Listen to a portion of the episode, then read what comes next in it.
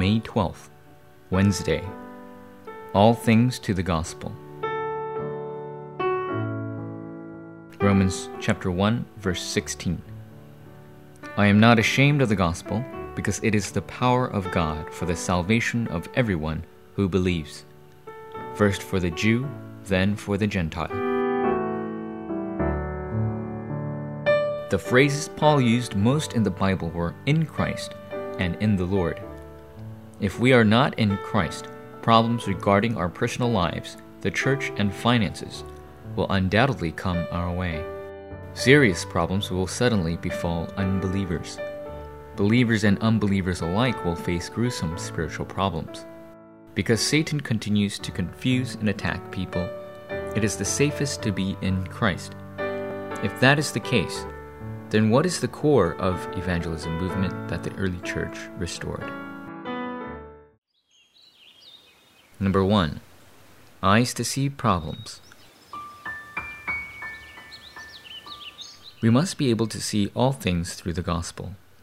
This is especially true when we face problems. The problems set before us do not appear out of thin air, but have actually existed for quite some time. We must view the manifestation of latent personal and family problems with sympathy and consideration that comes from the heart.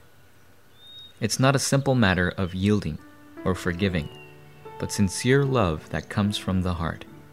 We must organize the basics of the gospel firmly lay the foundations of the gospel, and be properly rooted in the gospel.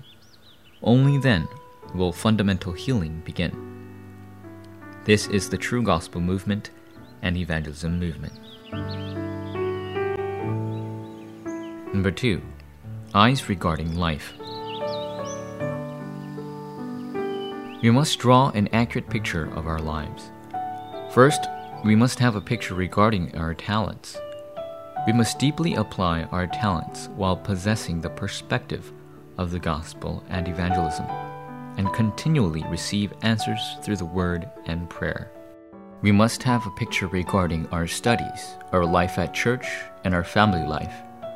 The same applies to marriage and finances. Last is a picture regarding the way we prepare for the world. We must absolutely discover the answer regarding our lives through the gospel. Then we will be completely victorious. Number three, Historic Commission. We who have the gospel also have an important commission.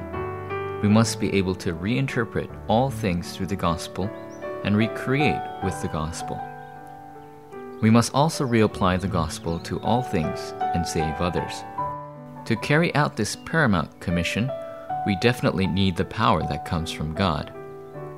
And whatever the problem is, we must not waver or be discouraged. Problems are even greater answers. Moreover, we must thoroughly prepare ourselves as we look at the answers of the future that lie before us. If we can enjoy the happiness of prayer in the gospel at least once a day, we will easily be able to carry out this commission. Forum topic You must receive the answer of being capable of all things in the gospel, and prepare in prayer to use all things granted to you for the gospel. Meditate deeply upon this.